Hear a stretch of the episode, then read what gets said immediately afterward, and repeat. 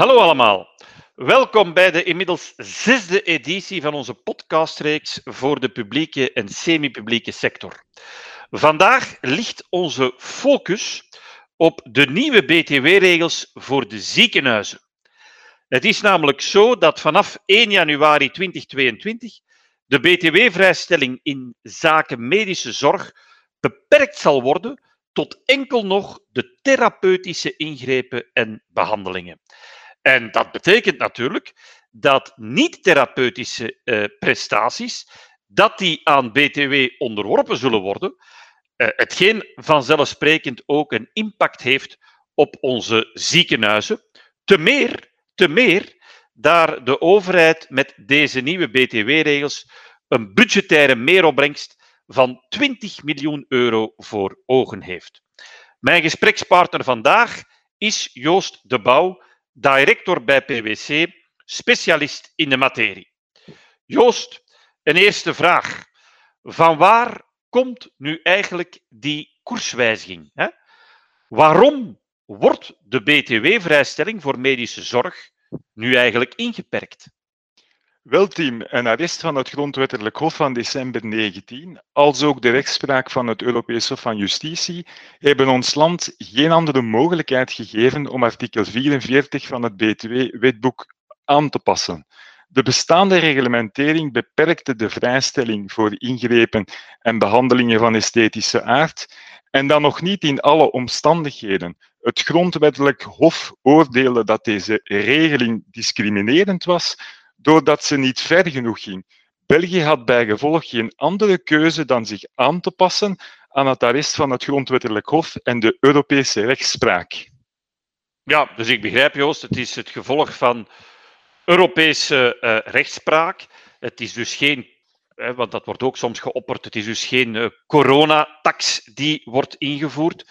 Maar niettemin is het zo dat uh, vanaf 1 januari 2022 die regels in werking zullen treden.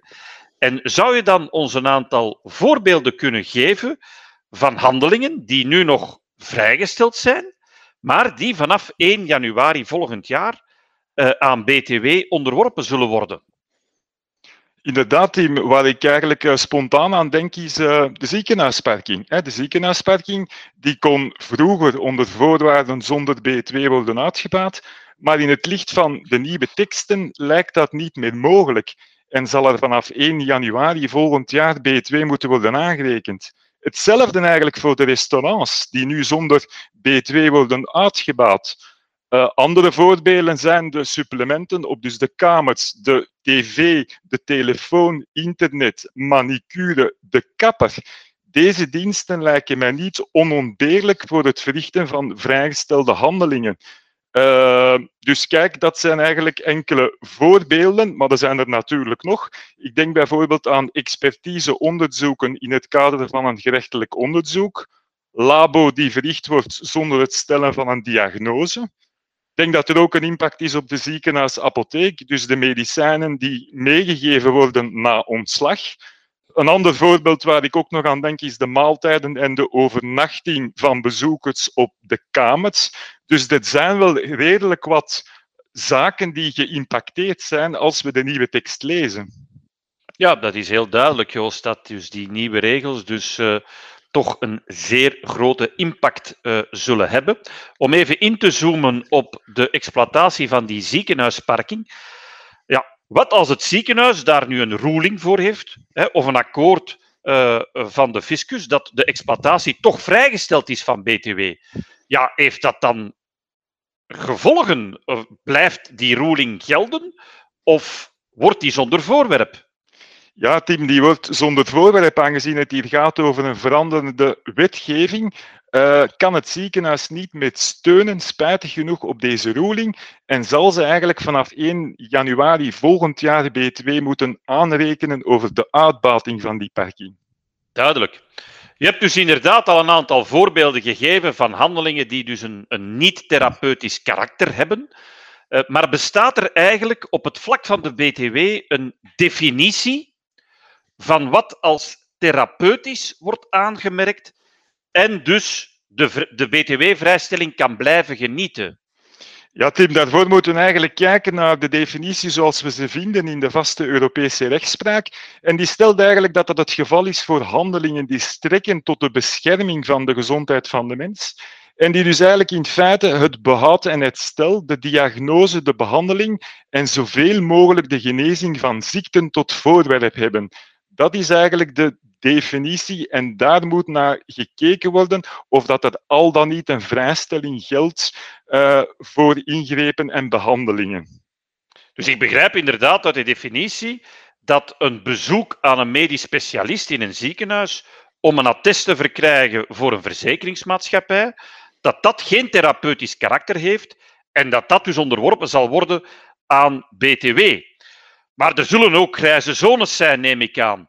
En wie gaat nu eigenlijk dat therapeutisch karakter beoordelen, Joost? Ja, zoals het er naar uitziet, zal dat eigenlijk de behandelende arts zijn die in eer en geweten dat zal vaststellen. En hij zal daarvoor op het vlak van de BTW ook aansprakelijk zijn, Tim. Anderzijds is het zo dat de BTW-administratie nog voor het jaareinde een administratieve circulaire zal uitvaardigen met voorbeelden, waarop dat het eigenlijk duidelijk wordt welke zaken al dan niet van de vrijstelling gaan genieten.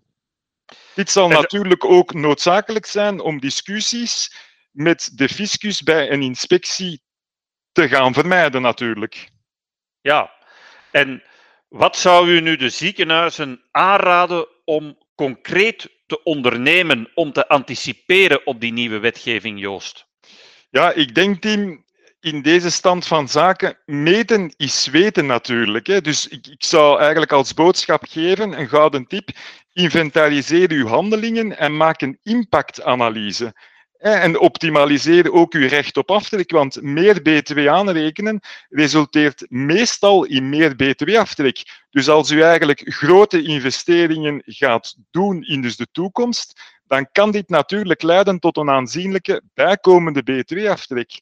En last but not least, uw ERP-systemen, uw facturatiesystemen, die moeten natuurlijk ook aangepast worden aan de nieuwe richtlijnen.